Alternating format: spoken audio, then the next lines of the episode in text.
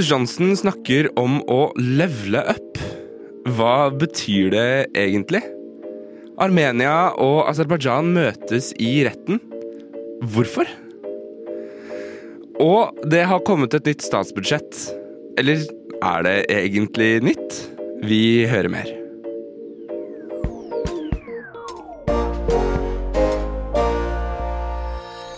Ja da, ja da, ja da. Hjertelig velkommen til en uh, rykende fersk episode av Opplysningen 99,3. Og hjertelig god morgen til deg. Det er den 3. desember, og vi i Radio Novas samfunns- og aktualitetsmagasin Vi skal holde deg med selskap den neste timen her på kanalen. Mitt navn det er Sander Zakaria, og som en tapper matros skal jeg lede oss gjennom denne sendingen. Men med meg, for å ikke synke som Titanic, har jeg selvfølgelig Benjamin Nordtømme. God morgen. Er du på den mikken, kanskje? Ja, det kan stemme. Det er der du er, ja. Hei, Mm. hei. Ikke sant? Det kunne man testa på forhånd. Lise Benes, du er også her, da. Ja, det er god morgen. Du, og du er også på den mikken jeg trodde du var på. Ass, fy faen, dette går bra. Dere, det er 3. desember, og en ny luke skulle vært åpna i dag. Lise, hva skjulte seg bak din luke tre? Jo, jeg, jeg har en tekalender, eh, for jeg er veldig glad i te. Over gjennomsnittet, kanskje. Og jeg hadde en veldig god grønn sencha-te, da. Som er en tradisjonell japansk ren te. Tradisjonell japansk ren te, som selvfølgelig skiller seg fra tradisjonell japansk skittente. Eh, Det er jo viden kjent. Eh, Benjamin Nordtømme, eh, skjulte det seg noe bak din luke i dag? Eh, Det gjorde det ikke. Jeg kan avsløre at grunnen til det er at jeg ikke har julekalender i år. Nei, så trist. Hvorfor har du ikke er, er det, Ja, for det er i år du ikke har julekalender? Eh, Jeg har eh, hatt det litt sånn sporadisk. Eh, Kanskje ikke hver Jeg hører, innser nå at det høres veldig rart ut å si. At, eh, og det er ikke fordi jeg er anti-jul eller eh, ikke liker julestemning og julekalender og eh, alt som er fint med julen. Men nei, rett og slett det er kanskje ikke samme samme Jeg vet ikke jeg vet ikke hvorfor. Jeg har bare ikke tenkt på det, ærlig talt. Og da blir det jo ikke noe julekalender. da. Da blir den jo ikke ja. Heldigvis så er det jo en del julekalendere man også kan se på TV. eh, Og de, de er tilgjengelige altså for deg. Jeg selv har ikke åpnet min julekalender i dag, for det glemte jeg. Eh, rett og slett. Eh, så voksen har jeg altså blitt at jeg glemte å åpne julekalenderen min. Um, men dere, eh, spekka full sending. Boris Johnson, klær, klima. Eh, hvor, hvor, hvor skal vi sette i gang? Hvor skal vi begynne? Nei, vi kan jo eh, begynne med denne saken som jeg og Sebastian laget, da. Med Boris Johnson og leveling up og ja. Og vet du hva? Akkurat det tror jeg vi skal gjøre. Men jeg tror også at vi skal høre litt deilig, deilig, deilig Radio Nova-musikk. Yo Dude og Hey Bro med søndagsskoleklær. Det var eh, Yo Dude, Hey Bro med søndagsskoleklær, og du fikk den her i opplysningen på eh, Radio Nova. I want to talk about what for me is the deeper meaning of Christmas because it's not about presents or turkey or brandy butter, much though I like all of that kind of stuff. It's about Opplysningen på Radio Nova. Oh, deilig, deilig julemusikk denne 3. desember. Det gjør seg godt. Og Boris Johnson er jo egentlig litt der vi skal holde oss. Eh, fordi at eh, jeg fikk en melding av min kompis Boris i går, som ønsket å stille dere et, eh, et lite spørsmål. Tony, yesterday I went, uh, as, as we all must, uh, uh, uh, to, to Peppa Pig World. I don't know if you've been to Peppa Pig World. Who's been to, hands up anyone who's been to Peppa Pig World? Skal vi se. Nei, det var ingen, ingen hender som løftet seg i dette studio, annet enn min egen, da, selvfølgelig. Not enough. um, fordi uh, det, var, det var forrige uke, eller uka før, at det gikk litt gærent for Boris Johnson. da Han skulle holde en tale for den britiske ekvivalenten av NHO, og halvveis ut i talen innser at han ikke helt vet Ikke helt vet hvor han skal. Hva hadde du gjort i en sånn situasjon, Benjamin? Jeg vet ikke. eh, Det virker som om Boris Johnson er ganske god til å liksom finne på ting. Og ta litt store kvantesprang, kanskje, i, midt i en setning, kanskje. Midt i en, eh, et innlegg. Et, et, ja, nei, han eh, er god Jeg ville jeg vil nok gått for den samme strategien, tror jeg. Jeg vet ikke om jeg finner noen annen løsning på problemet. Det hadde blitt Peppa Grisland på deg. Jeg Ja. hadde også begynt å stille spørsmål om Peppa Grisland. Og eh, egentlig eh, Det hadde vært den, den beste kursen, tror jeg. Lise. Jeg tror kanskje jeg hadde gått litt mer mot noe norsk. Type uh, Julie Blåfjell. Har dere sett Juli Blåfjell? Ja, har dere sett Juli Blåfjell? Har dere besøkt eh, Hvor er det det blir filmet igjen? Oppi- Røros oppi der, Røros ja, oppi der. Har mm. dere vært der? Ordentlig, den, eh, ordentlig juletematisert derfra, altså. Eh, men Boris Johnson greide overraskende nok å tviste dette inn på Tviste dette inn på å handle om hvordan Peppa Gris har bidratt til den uh, britiske økonomien, og avslutter med sitatet Now, I think that is pure genius, don't you? Uh, Pure genius er altså det Peppa Grisland er. Vi skal høre mer om Boris Johnson tja, cirka nå, eller? Ja. Du har kanskje en tanke om at Storbritannias statsminister Boris Johnson er en slags gjøgler. En mann som gjør rare ting for å få oppmerksomhet, eller som ikke helt vet når han skal tie. Eksempelet fra nyhetene er Johnsons famlende tale til sjefene for britisk industri, hvor han rotet i notatene sine og begynte å snakke om Peppa Gris. Tony, yesterday I went, uh, as, as we all must, uh, to, to Peppa Pig World. I don't know if you've been to Peppa Pig World. Who's been to, hands up anyone who's been to Peppa Pig World. I loved it, and Peppa Pig World is, is very much my kind of place. En annen tale Johnson holdt, var i juli, da han talte for en forsamling i Coventry. Selv om denne talen ei heller er uten ablegøyer, utgreier den rundt Johnsons mest sentrale politiske sak siden 2019-valget, nemlig leveling up-politikken. Sunderland i Nordøst-England blir trukket frem som et eksempel på hvordan denne level up-politikken kan gjennomføres. Dette er en by som Johnson står nær, da dette var en av de første byene til å stemme for Leave-siden i 2016, og har blitt i etterkant kjent som Brexit City. Målet for Johnsons leveling up-politikk er nemlig det å utjevne forskjeller mellom Storbritannias mer velstående regioner, nevneverdig London-regionen, og mindre utviklede områder i utkanten av øynasjonen. Måten å gjøre dette på, det er ved å investere i de fattige områdene med statlige midler, heller enn ved å omfordele midlene fra de rike til de mer fattige direkte. Dette er et forsøk på å heve alle opp på samme nivå. Disse områdene er tradisjonelt Labour-områder, som Johnson trolig ønsker å fri til i etterkant av brexit, hvor flere av de graviterte mot han og hans parti. Nordøstområdet, rundt Newcastle og Sunderland, stemte f.eks. inn syv nye konservative parlamentsmedlemmer i tradisjonelle Labour-områder nå i 2019. Men hva er det som skjer i Sunderland? Byen går gjennom en oppvåkning.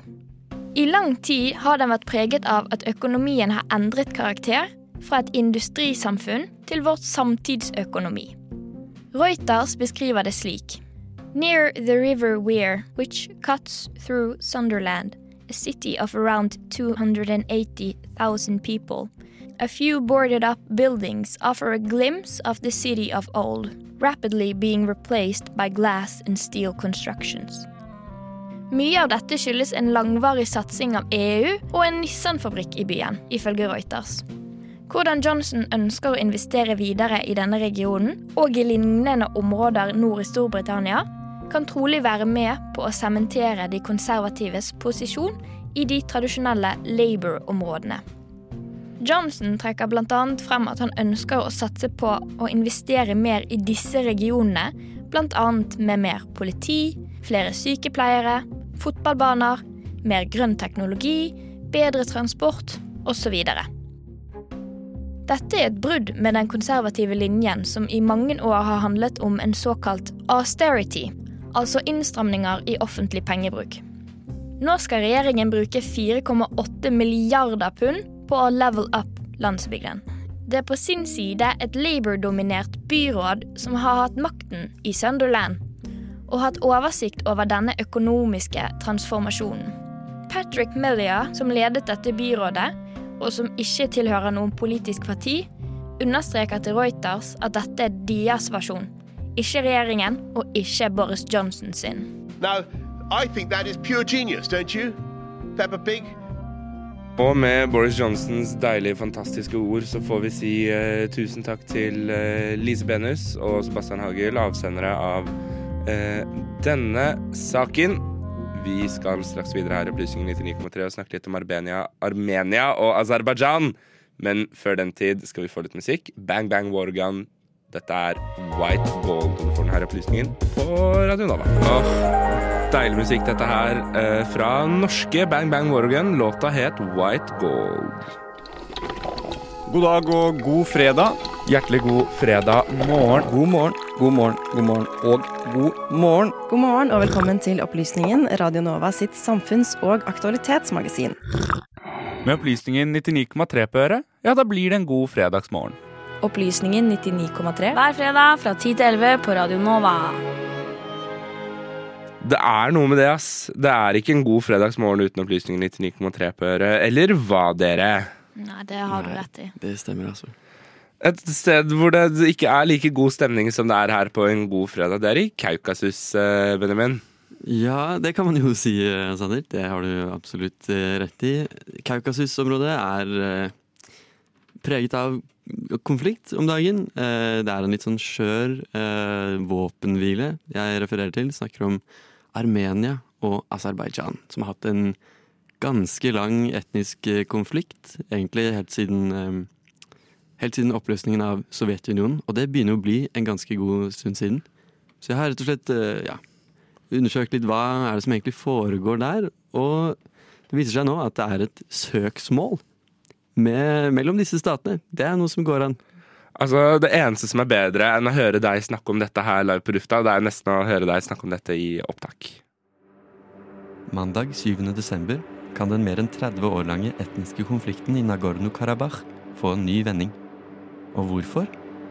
Vel, FNs internasjonale domstol i Haag forventes nemlig å avgjøre et søksmål mellom Armenia og Aserbajdsjan. Forventningene i Jerevan og Baku er store. Det kan få alvorlige konsekvenser i den bitre konflikten mellom partene. Men hva dreier søksmålet seg om? Det viktigste rettsdokumentet her er den internasjonale konvensjonen for eliminering av alle former for rasediskriminering. Dette er en av FNs folkerettslige avtaler som både Armenia og Aserbajdsjan har signert og ratifisert. Det betyr at begge land er bundet av den og skal gjøre sitt beste for å overholde den. Armenia anklager Aserbajdsjan for å utsette armenske folk for omfattende diskriminering, massedrap, tortur og andre former for mishandling. Det vil ikke være første gang i historien. Det er godt dokumentert at det tyrkiske osmanske riket iverksatte en grusom kampanje for å ta livet av et sted mellom 600 000 og 1,5 million sivile armenske folk. Vi befinner oss med andre ord i et ganske røft nabolag. Dette kan bli litt komplisert, så her gjelder det å ha tungen rett i munnen. Midt inni det som er Aserbajdsjans internasjonalt anerkjente grenser, finner vi et sted som heter Nagorno, eller Nagorni-Karabakh. Navnet kommer egentlig fra russisk, da både Armenia og Aserbajdsjan var deler av den større Sovjetunionen. Navnet betyr enkelt og greit det fjellrike Karabakh.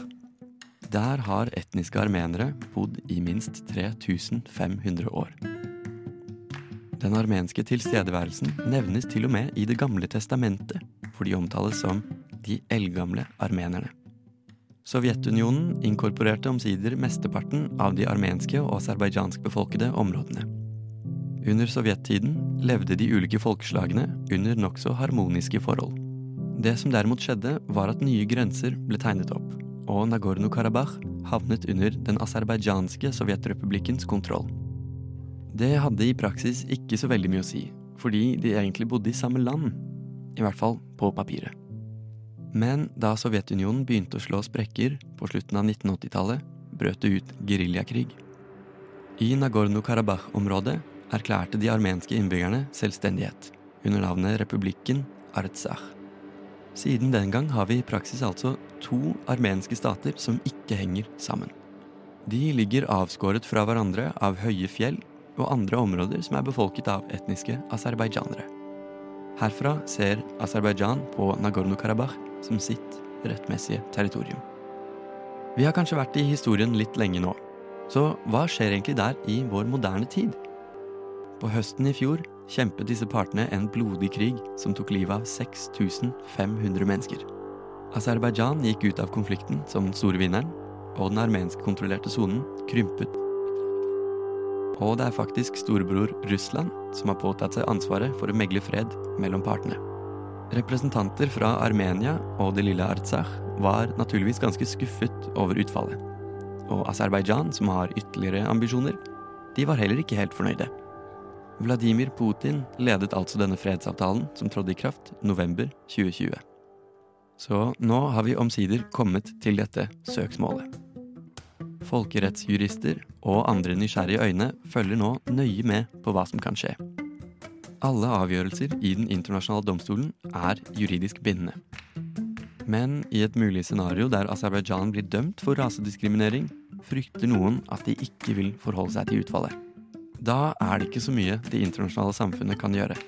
Det er nemlig ikke så lett å varetektsfengsle en hel stat, og hver gang noe lignende skjer, så svekkes tilliten til internasjonale regler, og stater føler seg mer villige til å ta risikoer og begå store menneskerettighetsbrudd. Mandag den syvende vet vi selvfølgelig litt mer, og vi her i Opplysningen vi kommer til å følge med. Hvis dette har trigget din nysgjerrighet, kan du også selvfølgelig følge med de nærmeste dagene som kommer. Reporter i saken, det var eh, Benjamin Nortemø. Vi i Opplysningen 99,3 kommer til å følge spent med på utviklingen mellom Armenia og Aserbajdsjan.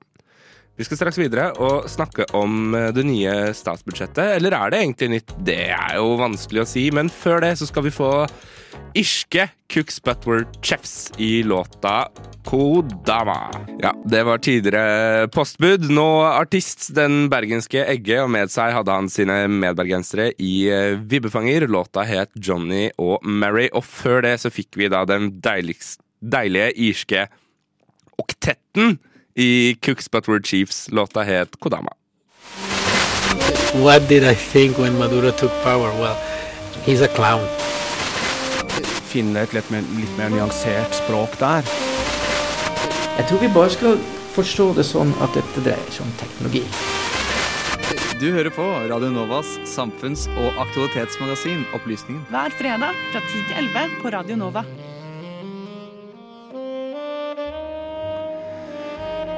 På mandag så var eh, budsjettforliket klart mellom eh, regjeringen, altså Arbeiderpartiet og Senterpartiet, og SV. Og jeg er mildt sagt forvirra. Jeg trodde dette budsjettet var klart for lenge, lenge siden. Benjamin, hva er forskjellen på et budsjett og et budsjettforlik? Ja, det er kanskje ikke i definisjonen så veldig stor forskjell. Det vil si, et budsjett er jo en plan, en prognose man har for hvor, hvor mye penger skal man bruke. Et statsbudsjett. Da snakker man om hvor mye penger staten skal bruke. Så et budsjettforlik er jo når man endelig har klart å bli enig. Så danner man en Ja, så kan man danne en regjering med et ordentlig statsbudsjett i ryggen. Men hvorfor er regjeringen så avhengig av å gjennomføre et forlik på budsjettet? Altså, Akkurat nå så er jo det fordi de må ha en si, juniorpartner i Sosialistisk Venstreparti, SV, som vi ofte heller sier. Det er jo ikke flertall med Arbeiderpartiet og Senterpartiet alene eh, på Stortinget. Så de er nødt til å ha med seg SV, og da må man jo inngå et par eh, kompromisser. Og hva er, de, hva er, det de, nå er blitt enige om, da? Hva er det som endrer seg fra dette statsbudsjettet som vi diskuterte for et par uker siden? Eh, vi har jo f.eks. det at eh, det ikke blir noen 26. konsesjonsrunde på norsk sokkel i 2022. Og hva er en konsesjonsrunde? Ja, det vil egentlig eh, kort forklart si at man selger på en måte loven til Eller gir tillatelse til selskaper å produsere forskjellige petroleumsvarer som olje og gass på norsk sokkel. Problemet med dette er jo det at den konsesjonsrunden den står jo bare for 5% av den oljen og gassen som blir hentet fra norsk sokkel. Så om det er noen miljøseier, det er ikke helt sikkert. Men de har blitt enige om noe annet også? Ja, altså samlet sett så vil eh, skatt, skattene og avgiftene øke med ca. 2,1 milliarder kroner neste år. Og det er kanskje ikke så mye. Det er kanskje ikke det man egentlig forventer fra en forholdsvis rød-grønn regjering. Men det er bl.a. blitt enighet om en feriepengeløsning for de som går på dagpenger. Så var vi, denne, ja, vi var innom denne konsesjonsrunden. Det viktig, det har vært et veldig viktig moment for SV hele tiden. Så det har jo da eh, de større partnerne, Arbeiderpartiet og Senterpartiet, eh, gått eh, gode for. CO2-avgiften i oljebransjen den skal økes med 28% Det er noe eh, også regjeringen Solberg var inne på å eh, gjennomføre. Så her har vi det på eh, jeg, svart på hvitt. Her skal det implementeres. Så er det da en eh, rekke litt sånn mindre, eh, men eh, kanskje ikke Det betyr jo ikke at de er eh, ubety... Altså de ikke har noen betydning, for de blir blant annet reversert dette kutt i brillestøtte, som var kontroversielt under regjeringen Solberg, da man ikke lenger skulle få støtte til briller. Barn får nå det tilbake. Og ja, nei, det er jo en del litt sånn små, eh, mindre, men som jeg var inne på, ikke ubetydelige endringer som skjer. Så eh, for alle SFO-barn der ute, eh, jeg vet dere hører på, det er eh, gratis halvdagsplass på SFO eh, for førsteklassinger. Eh, altså, så nå får dere ja, besøk av de store, de store barna. De kan komme på SFO. Men du snakket i stad om at det, at det var også inngått noen kompromisser. Kan vi, kan vi se på det som noen vinnere eller tapere i, denne, i dette budsjettforliket? Jeg tror nok jeg ja, Hvis jeg får svare på det. Jeg tror nok at um, Hvis vi hører på eh, Senterpartiet, Arbeiderpartiet og SV nå, så vil jo de gjerne si at alle vant jo litt her nå. Dette var jo eh, flott, nå fikk vi på plass et budsjettforlik. Men eh, tja Hvem kom best ut av dette, er jo, opp, det er jo et åpent spørsmål, egentlig.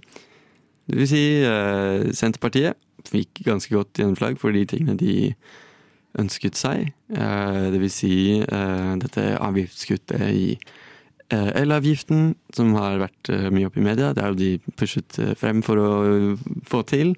Så det er de nok svært, svært glad for. eh, Og vi hører jo i dette, om jeg får lov til å bruke ordet retorikk, i retorikken eh, til Senterpartiet, så har de vært veldig opptatt av den vanlige Altså vanlige folk. Eh, Så vanlige bilister har vært et gjennomgangstema ikke øke deres eh, Ikke øke skattetrykket til vanlige mennesker som er eh, av, ja, avhengig av å kjøre bil rundt omkring i eh, landet. Som da eh, ofte har bensinbil eller dieselbil.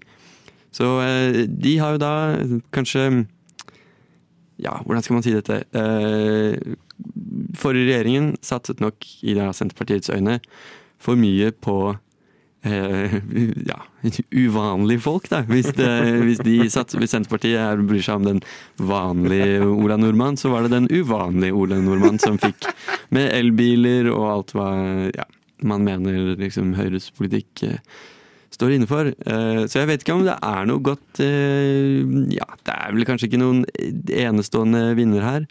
Hva tenker du, Lise? Um, jeg føler det ikke er liksom en veldig klar politisk vinner, men jeg føler det er veldig mange på en måte små folkegrupper da, som har vunnet noen ting. Blant annet de som kjører elbil. De har jo vunnet en del. da. Eh, Blant annet så har vi momsfrataket for elbil. Det blir videreført i, i 2022. Og det er jo veldig mange ute i Norge nå som har elbil. Eh, I september så var det hele 78% av nye biler som ble solgt i Norge. Det var elbiler.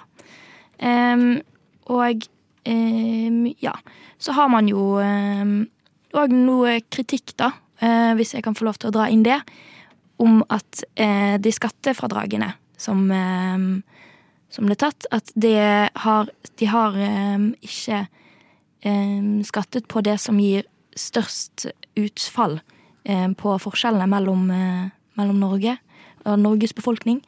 Og det er da selskapsskatten, da. Fordi eh, de aller rikeste på papiret eh, er nok ikke like rike som de er i virkeligheten.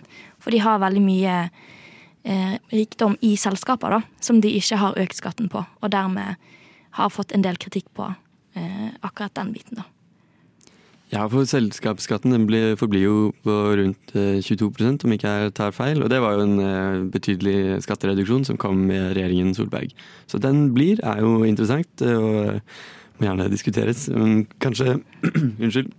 Og litt eh, kaffe som skulle til. Ja, nei, jeg vet ikke. De er nok glade alle sammen, de, alle de tre part, altså partiene, for at de har nå et budsjettforlik. Så nå er jo det, det er egentlig den store seieren, kanskje. At nå har man et budsjett i ryggen. Du lytter til Radio Novas samfunns- og aktualitetsmagasin Opplysningen. Opplysningen hver fredag mellom klokken 10 og 11 på Radio Nova.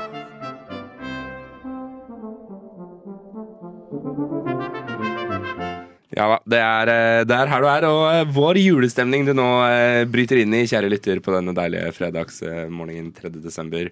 Eh, Lise og Benjamin, Ja. Ja. jeg har et spørsmål. Jeg, er veldig, jeg gleder meg til å stille dere hele dag. Ok, Kjør på, er Sander. Eh, hvis dere har klær dere ikke bruker lenger, hva gjør dere med dem da? Eh, For å være helt ærlig, eh, så gjemmer jeg det bort innerst inn i skapet mitt og bare glemmer det. Det er noe man kan gjøre. Eh, Jeg prøver i hvert fall. Jeg kan ikke si at jeg er noen eh, racer på det, men prøver å donere det. Finnes jo sånne Fretex-bokser rundt omkring, så man kan avlevere gamle klær. Men er du en hyppig Fretex-shopper også, eller Benjamin? Eh, Jeg er nok i det segmentet der. Jeg er glad i, glad i det, egentlig. Fordi, for de som kanskje har glemt det, så snakket vår reporter Vet du hva, jeg skal ikke gidde å ta hele den bakhistorien nå. Men uh, vår reporter Amalie Sundby har sett litt på akkurat dette med klesforbruk. For to uker siden lagde jeg en sak om EU sin planlagte merkeordning for tekstiler, PEF. Jeg intervjuet professor Ingunn Grimstad Klepp, som var skeptisk til hva slags metoder EU ville bruke for å måle miljøbelastningen til et plagg. De siste ukene har jeg gått og fundert på noe hun sa. Men vi har jo også alt, altfor mye klær og andre tekstiler i gjenbrukssystemet, som jo er en global handel, hvor klærne havner i, i fattige land uten kapasitet til å ta seg av dette avfallet. Eh, Så dette her er, eh, skal vi si, imperialisme av verste sort, hvor, hvor hele verden er, skal vi si, med i et gedigent system som er forurensende og urettferdig. Vent litt, burde vi ikke levere inn de brukte klærne våre til innsamling? Hva skjer egentlig med det vi leverer inn til Uff eller Fretex? Fretex er nøye med å bruke ordet gave om klærne vi leverer inn, altså ikke avfall. De ber om at vi leverer hele, rene og tørre tekstiler i deres innsamlingsbokser. Av de 50 tonnene tekstiler Fretex får inn hver dag, sorteres rundt 10% av klærne her i Norge. Resten eksporteres til sorteringsanlegg i utlandet, hovedsakelig i Øst-Europa. Arnt Willy Gjelle, som er leder for bærekraft og innovasjon i Fretex miljø, forteller at de får best pris for poser som ikke er åpnet. Dette kalles original i den internasjonale handelen. Grunnen til at de uåpnede posene er mest verdifulle, er at det da er større sannsynlighet for at de inneholder de store gjenbruksskattene, som på bransjespråket kalles kremen. I gjennomsnitt representerer kremen 10% av vekten til originalen, men 53% av verdien. 99% av originalposene som sendes ut av de nordiske landene, går til EU-land i Øst-Europa for sortering. Siden avfallsbehandlingen i EU er styrt av sterke reguleringer, kan det antas at alt avfall fra sorteringsprosesser i EUs medlemsland vil bli behandlet ansvarlig. Det forventes at mesteparten av tekstilene som sendes videre ut av Europa, er av såpass kvalitet at de kan selges videre til gjenbruk der. I et studie fra Malavia fant man i 2016 at 99% av tekstiler importert fra Europa blir godkjent for salg i detaljhandel og på markedsplasser der. Ifølge Oxfam, en britisk organisasjon som tilsvarer Fretex, er den globale handelen med brukte klær verdt mer enn en milliard dollar årlig. Men hva med klær som er hullete eller ødelagt? I 2014 sa Fretex at vi gjerne kunne levere også disse tekstilene i deres innsamlingsbokser. Dette sammenfalt med at myndighetene oppfordret forbrukere om å ikke kaste tekstiler i restavfallet. Slitte klær kan bl.a. bli til støydempende matter til biler og hvitevarer, og forsterkningsfibre til byggebransjen. Problemet er at antallet produkter som kan lages av slitte stoffer, ikke samsvarer med mengden av tekstiler som leveres inn. Iallfall ikke foreløpig. Problemet med overfylte lagre og manglende kapasitet til å ta imot ødelagte klær har blitt så stort at det har fått et eget navn, nemlig tekstiltsunamien. EU har kommet med mange nye krav og retningslinjer for håndtering av tekstilavfall, som skal innføres fra 2025. Et av kravene er at ødelagte tekstiler ikke skal kastes i restavfallet. Fretex er i gang med et pilotprosjekt i Oslo og Stavanger.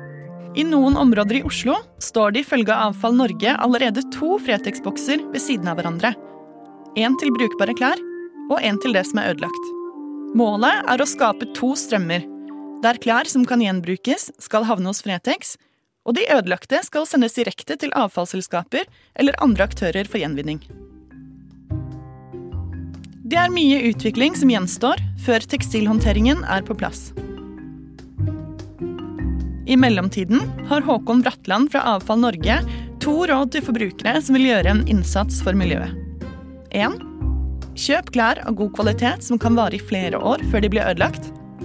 2. Se etter klær som bare består av én fibertype, altså 100% f.eks. bomull.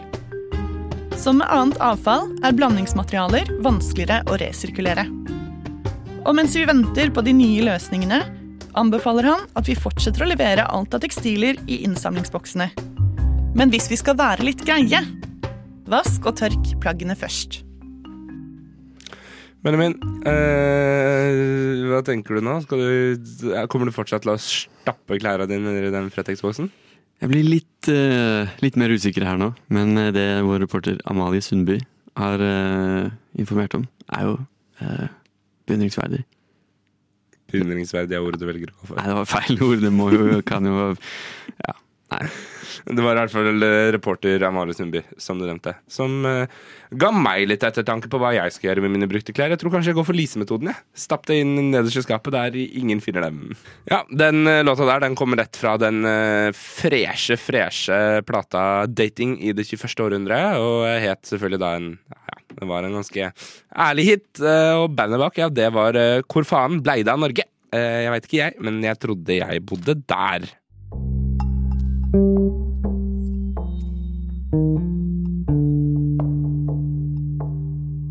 And this is insane. I've never seen this in any other country. Never in my life. People eating from the trash, fighting about it. Eh, når så mange er ensomme, så ligger jo på en måte ikke dette på, på individleger. Det ligger på systemet. Vi er i ferd med å ødelegge evnen vår eh, permanent kognitivt i hjernen til å konsentrere oss over lengre tid. Radio Novas samfunns- og aktualitetsmagasin gir deg historiene, sakene og debattene andre overser. Aldri redd, alltid balansert. Opplysningen 99,3.